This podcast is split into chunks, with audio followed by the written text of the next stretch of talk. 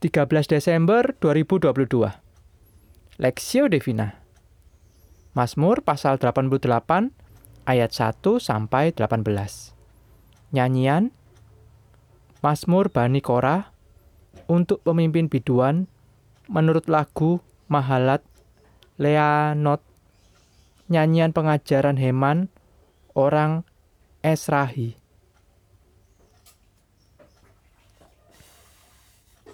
Ya Tuhan, Allah yang menyelamatkan aku.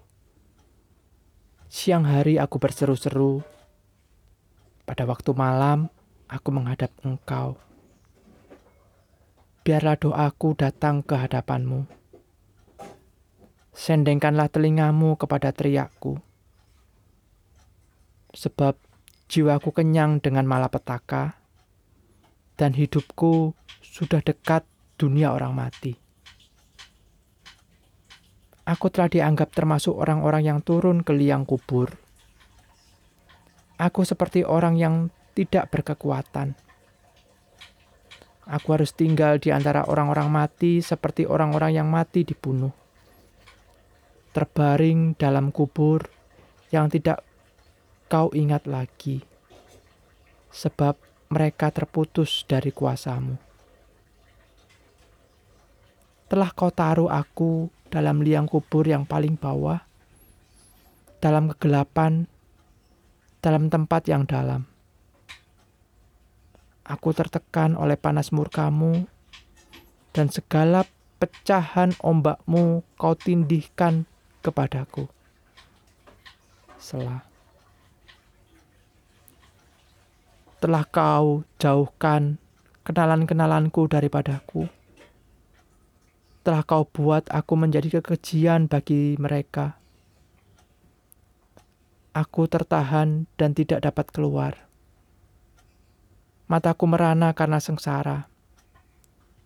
Aku telah berseru kepadamu, ya Tuhan, sepanjang hari telah mengulurkan tanganku kepadamu. Apakah kau lakukan keajaiban bagi orang-orang mati? Masakan orang masakan arwah bangkit untuk bersyukur kepadamu.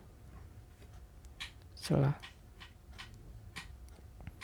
Dapatkah kasihmu diberitakan di dalam kubur dan dan kesetiaanmu di tempat kebinasaan?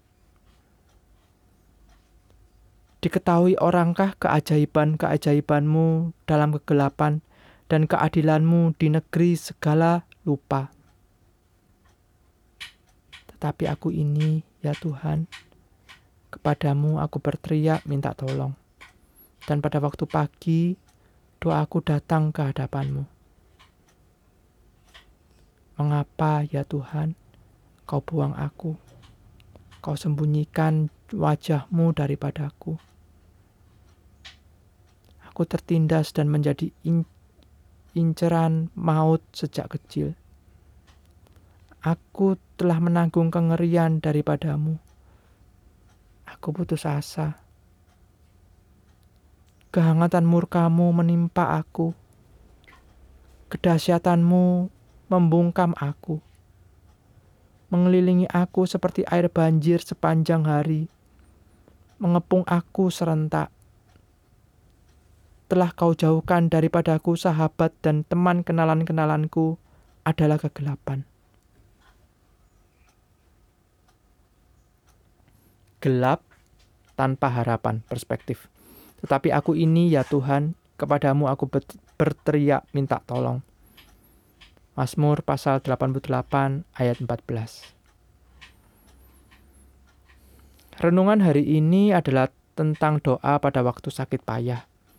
Akan tetapi fokus perenungan ada dalam ayat 14 yang dikatakan, Tetapi aku ini ya Tuhan, kepadamu aku berteriak minta tolong dan pada waktu pagi doaku datang ke hadapanmu. Dengan demikian, kita dapat memahami bahwa penulis kitab Mazmur pernah mengalami masa-masa sulit.